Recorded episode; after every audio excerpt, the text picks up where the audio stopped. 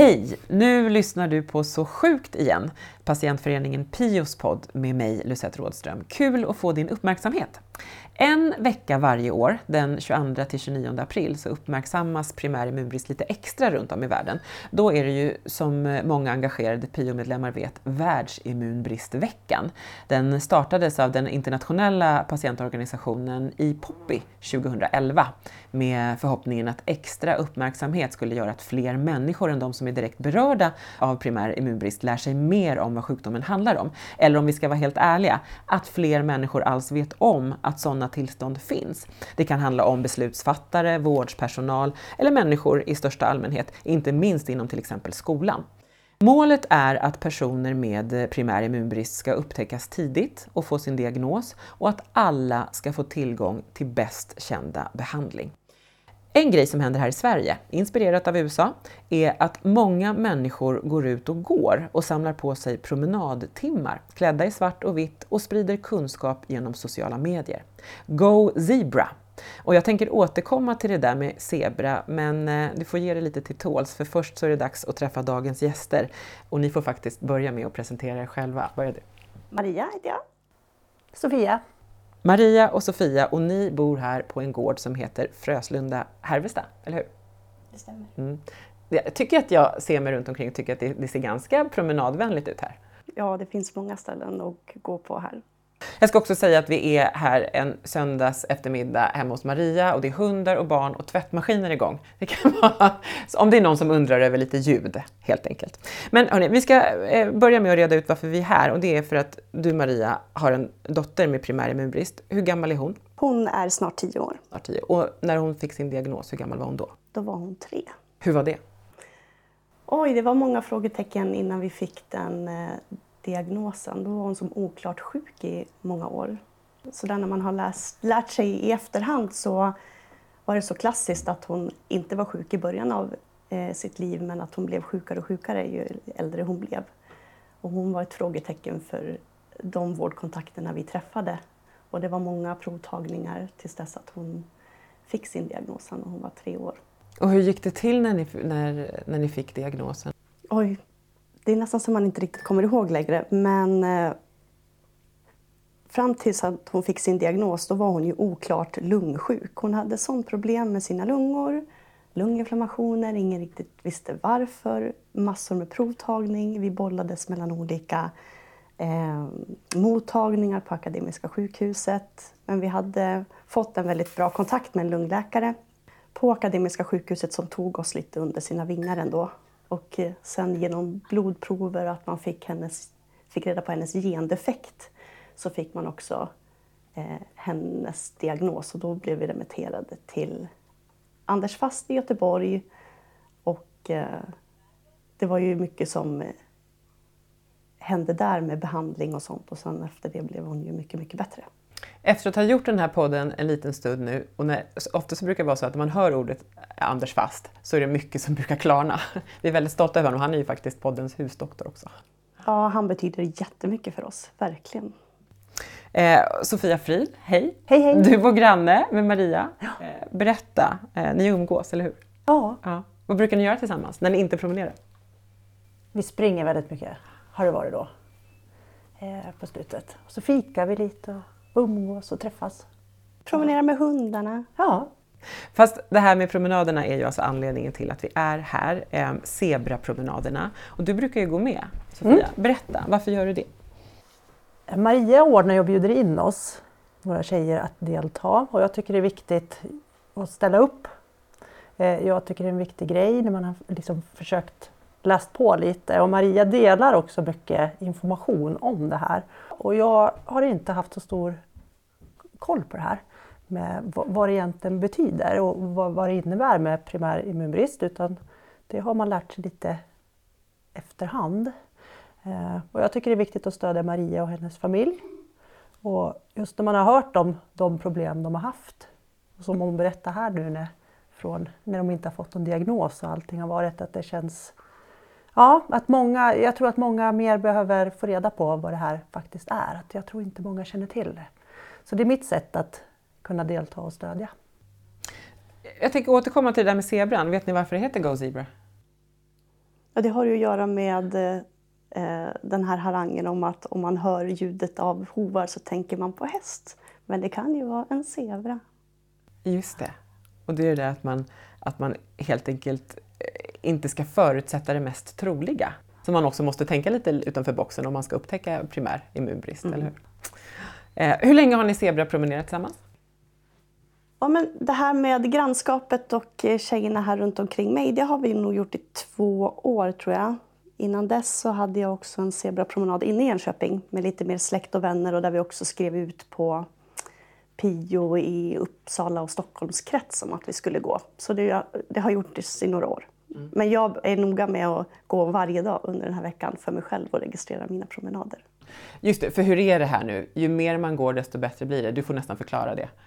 Ja, Pio har ju under den här veckan där det är Go Zebra-kampanjen, eh, man uppmanar ju personer att man ska registrera sina promenader och genom att man registrerar och samlar ihop den här tiden som vi går tillsammans i hela Sverige så får ju Pio pengar för det genom samarbetspartners. Jag, mm. Exakt hur många eh, timmar det har jag faktiskt inte koll på men jag är noga med att registrera alla mina Hur många timmar brukar du få? Oj, oj, oj. Alltså, jag går ju säkert åtminstone en timme varje dag. Det är med hundpromenaden och sen registrerar jag också de minuterna jag är ute och springer. Jag tänker att det är lika med att jag går.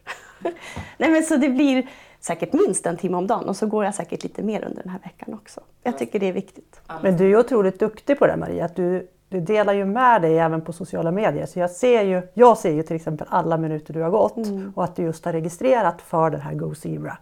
Så det gör ju även att jag blir motiverad att vara ute och gå. Och jag hjälper till och försöker registrera in så många minuter som jag bara kan också. Jag tycker också att det är enkelt från eh, Pios... Alltså, ja, man kan dela via sociala medier hur många sammanlagda minuter per dag eh, som man har gått tillsammans. Delar man det i sociala medier så syns ju det också. Och andra blir inspirerade och kanske går någon promenad extra. Jag tänker att det är både bra för Pio och det är bra för allas hälsa. Två flugor i en smäll, ja. helt enkelt. Eh, jag hörde också att din dotters förskola har ordnat eh, zebrapromenad för något år sedan. Hur var det? Oh, men jag är så tacksam till alla som engagerar sig, verkligen. Det var ju när hon var lite yngre. Då bad jag hennes förskolegrupp och faktiskt ta en promenad bara för att samla in minuter. Jag tänkte att det var enkelt. Och de till och med gjorde små zebrahänder på pinnar och eh, gick en vända i det samhället där hon har sin förskola. Så det var väldigt fint. Men jag brukar dra i de trådarna man har och fråga, kan inte ni ta en liten promenad för oss? Och, och då tänker jag oss så som Pio och sen registrera det här. Jag tycker att även det lilla är värt att liksom registrera. Men det var, de gjorde verkligen det lilla extra utifrån så fick jag bilder på det där också. Det var så himla fint. Då blev man alldeles varm i sitt mammahjärta. Jag tänkte på det Sofia, du har ju inte själv primär immunbrist och du har varit inne lite på det men jag tänkte vi skulle prata lite mer om det. Vad är, vad är drivkraften för dig? Vad ger det dig att engagera dig i det här? Just att kunna hjälpa till och göra det vad jag kan i alla fall. Och, och nej men jag är en hjälpare brukar jag säga. Eller jag vill hjälpa. Det är ju gott för mig. Det, är väldigt, det, känns, ja, det känns gott i kropp och själ att kunna hjälpa till med det man kan och bidra. Bara man kan bidra med något så har man gjort någonting i alla fall. Vi pratade ju lite innan vi satte igång inspelningen. Du Marie, du hade ju faktiskt en bra idé på hur Pio skulle kunna utveckla det här. Jag har någon sån vision om att det finns ju de här ja men, Barncancerfonden, vi har ju sprungit en hel del virtuella lopp. Så jag tänker att jag har någon ambition om att man skulle kunna få till det här så jag vet inte. Berätta för mig som är oinitierad, hur gör man ett virtuellt lopp? Ja, men det har väl blivit liksom populärt under pandemin att man via en app anmäler sig till ett lopp men man, behöver, man, man springer där man är. Så sträckan kanske är alltifrån 5 km till 10 km eller vad vet jag. Eh, det kan se jätteolika ut. Och sen så en viss dag eller bara under den här veckan så trycker man på start och så startar man sitt lopp och så springer man och så blir det som en springtävling. Men vi springer här i Enköping eller, och vi springer i Uppsala, vi springer i Göteborg. Eller springer runt i sin trädgård, alltså på riktigt? Ja, men alltså kan... där man än är, mm. någonstans i Sverige så springer man sitt lopp. Så det är inte så att alla står på startlinjen på en och samma plats och så springer man precis klockan 10 en lördag. Utan man gör det när det passar en och där man är. Och på så vis har ju vi i alla fall sprungit lite olika. Pengarna går till något bra, de går ju till de här... Och det har varit Barncancerfonden och det har varit Järnfonden. Järnfonden också, precis. Mm. Och då tänker jag att man skulle kunna göra det i den här regin så som Zebrapromenaden.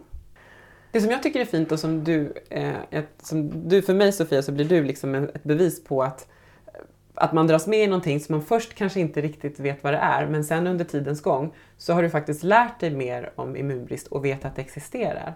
Och den kunskapen är ju ovärderlig och även om man då skulle vilja att det var så att det funkar på bred front och att man skulle vilja att imorgon alla känner till eh, någonting om primär immunbrist och att, man, att det är många människor som skulle kunna få hjälp på det viset så är det ju det här vi har nu. Att det är liksom man får ta det långsamt och steg för steg, men varje litet steg är viktigt. Det tycker jag, känner jag att jag tar med mig av det här. Och allt det som du berättar om, det som ni ska, att de här promenaderna och det är människor som kanske inte riktigt vet till en början vad det är. Och så får man lära sig det. Det är ju helt eh, fantastiskt. Det är ja, också ett viktigt steg. Genom åren som jag framförallt har delat via sociala medier, den informationen som Pio lägger upp på sin, eh, sina sidor, så har ju jag fått med mig kollegor som Zebra promenerar och det här är ju personer, tror jag, jag har inte kanske precis vetskap om det, men som inte visste om PIO innan och PIOs arbete och vad primär immunbrist är överhuvudtaget. Känner man mig lite så vet man ju vår bakgrund och med min dotter eh, och så, men jag når ju även dem i min periferi genom sociala medier och sår ett litet frö av att liksom läsa vidare och så. Vi ska helt enkelt kanske då bara avsluta med att uppmana människor eh, att börja gå lite mer, eh, både under världsimmunveckan och andra veckor. Eh, tillsammans för att kroppen och hjärnan och själen mår bra av det. Vi kanske till och med ska börja med att ta en promenad ihop med mig, vill ni det? Får jag gå med? Ja. Gör vi så. Men, men först så vill jag bara säga eh, till dig som vill ha mer information om vårens eh, zebrapromenad. Håll koll på Pios hemsida, pio.nu. Eh, och kanske är det så att du redan nu faktiskt ska börja värma upp med en kompis, en granne eller en anhörig som behöver komma ut och röra på sig.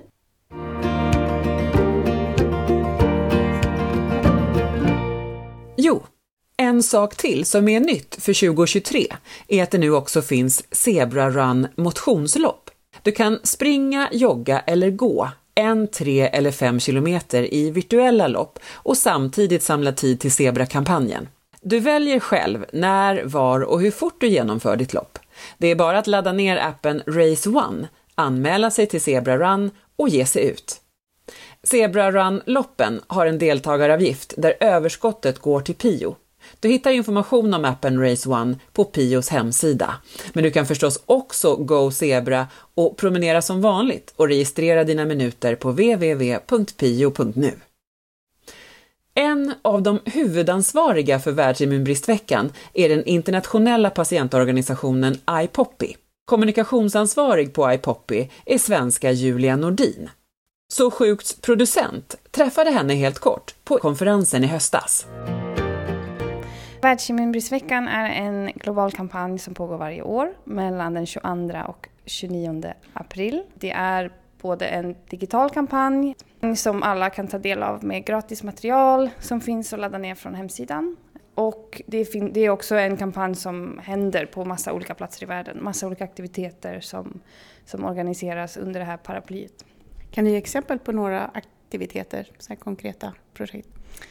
Ja, ett exempel är ju zebrapromenaderna i Sverige såklart. Andra exempel är springtävlingar som vi har sett både i Kina, eh, vi har också sett det i Belgien fast där cyklar de istället för att, springa som man ju gör i Belgien.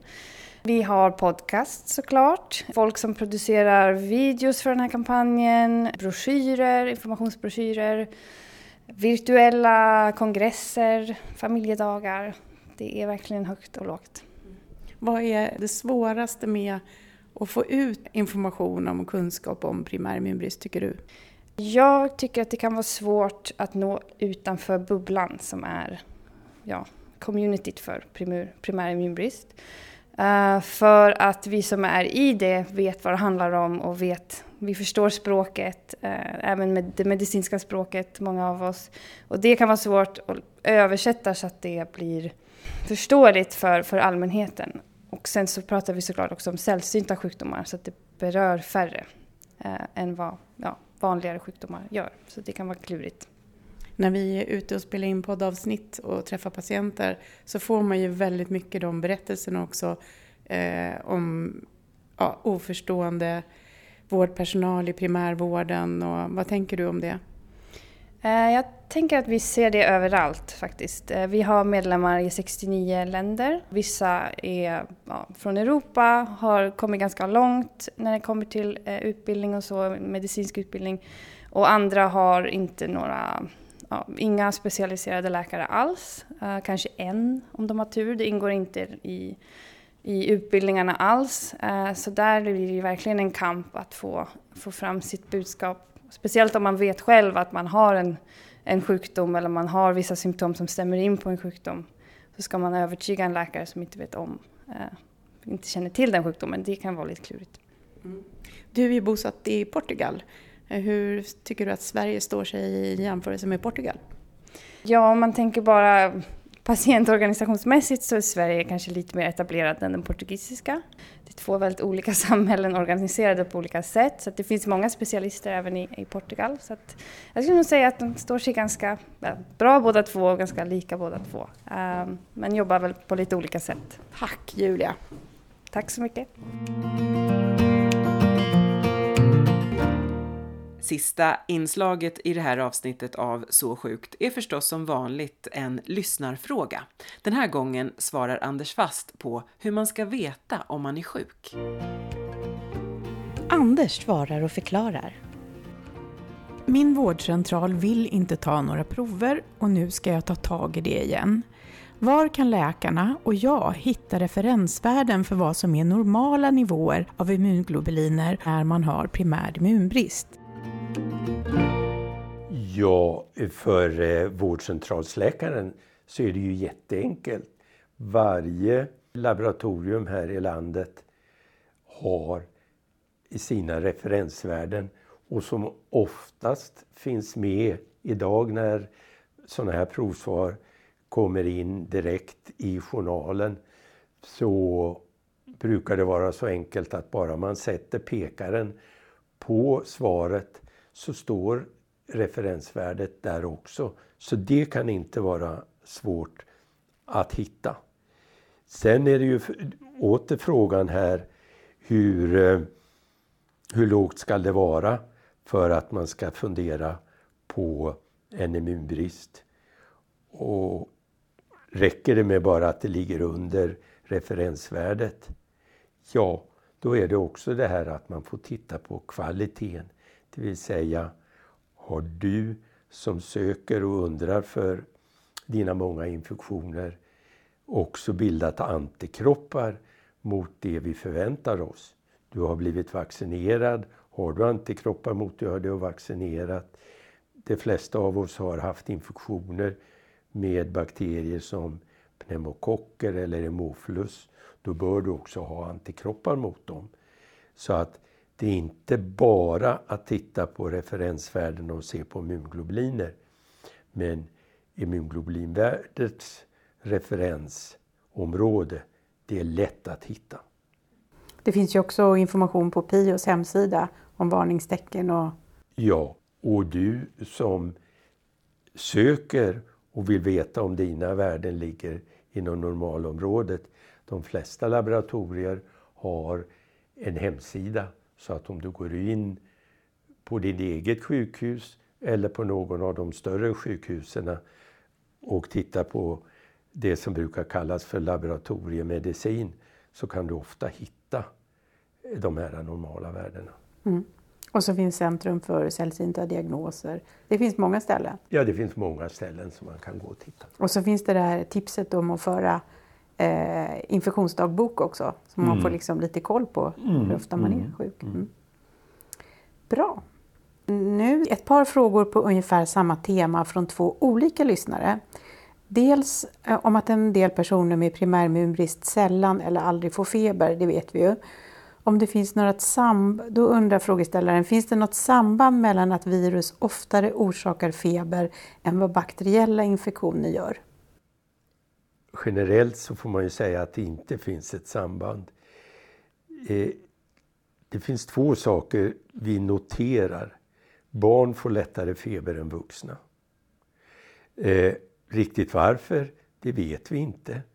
Är det så att barnen genom att de är naivare till många infektioner, det vill säga att de, de har inte träffat på det där kanske hundratalet infektioner som vi ska gå igenom som barn och det är därför de reagerar kraftigare.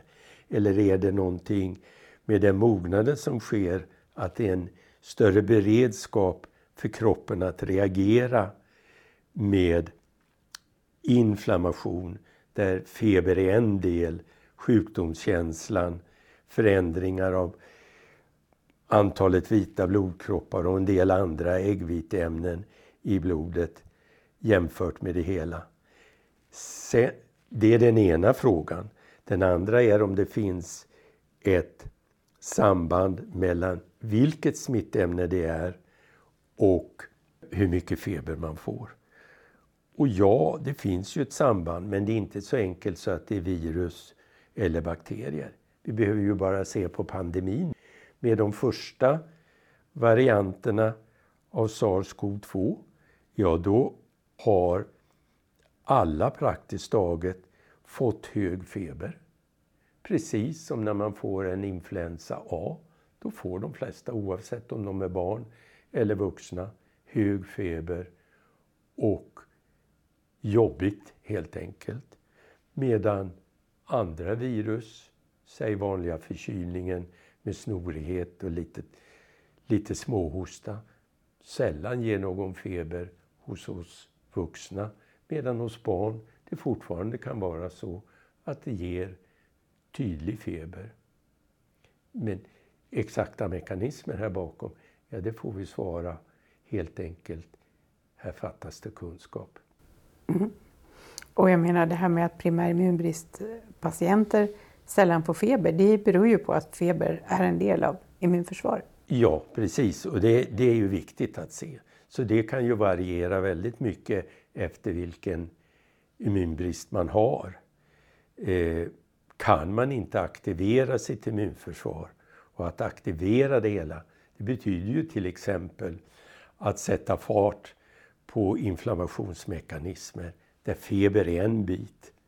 Eh, ja, då kan det ju upplevas som att man är mindre sjuk. Man går bara omkring eh, och är jättetrött till exempel av infektionen. Det är ju också det där som är problemet då när man går till vårdcentralen. Mm. De inte tycker att man är sjuk för att man inte har någon Nej. feber. Man är bara trött. Mm. Den andra frågeställaren undrar varför det bara är bakteriella infektioner som räknas som ett kriterium för när man ska misstänka primär immunbrist. Kan inte återkommande virusinfektioner också vara ett tecken? Det enda tecknet kanske på primär immunbrist. Det känns som jag alltid är sjuk, skriver den lyssnaren. Mm. Ja, det där är det där är ytterligare en, en väldigt relevant fråga och också en svår fråga. Här får man också dela upp det mellan barn och vuxna. På barn så kan man säga ja, eh, vissa virusinfektioner är alldeles klart ett tecken på en immunbrist. Men då gäller det de minsta barnen. Mm. Och där vi funderar eh, på svår kombinerad immunbrist. Den immunbrist som vi idag hittar med PKU-provet. Medan till exempel eh, de virusinfektioner som eh, förskolebarnet har och som är på dagis och som då ska gå igenom ett hundratal förkylningssjukdomar. Ja, det är då normalt att gå igenom de hundra olika och de kan inte räknas som en eh, del i eh, varningstecknen. Sen kommer det svåra med eh, de vuxna. Och där är det ju hela tiden vanlig variabel immunbrist som är modellen för en primär immunbrist hos vuxna. Även om det förekommer en del andra och en del andra som är förvärvade. Men det är så dominerande att det är bakteriella infektioner och det blir varningstecknet. Men i vissa fall så måste man också tänka på återkommande virusinfektioner. Men då är de av speciellt slag och oftast kombinerade samtidigt med bakterieinfektionerna. Okej. Om man har väldigt ofta virusinfektioner, skulle man kunna lida av någonting annat då? Man kan fundera på sådana saker. Har man sköra slemhinnor av någon anledning? Eh, och alltså entrén till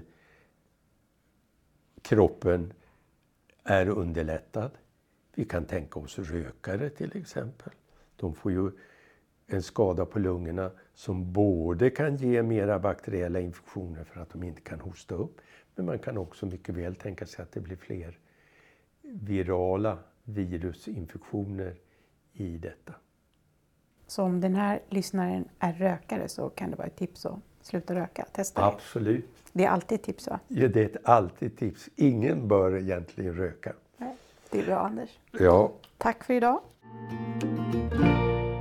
Då var det dags för mig och producent Estrid att säga hej härifrån Örsundsbro utanför Enköping. Vi hörs igen hoppas jag. Tack för att du har lyssnat och tack också CSL Bering som gör podden möjlig att spela in. Hej då!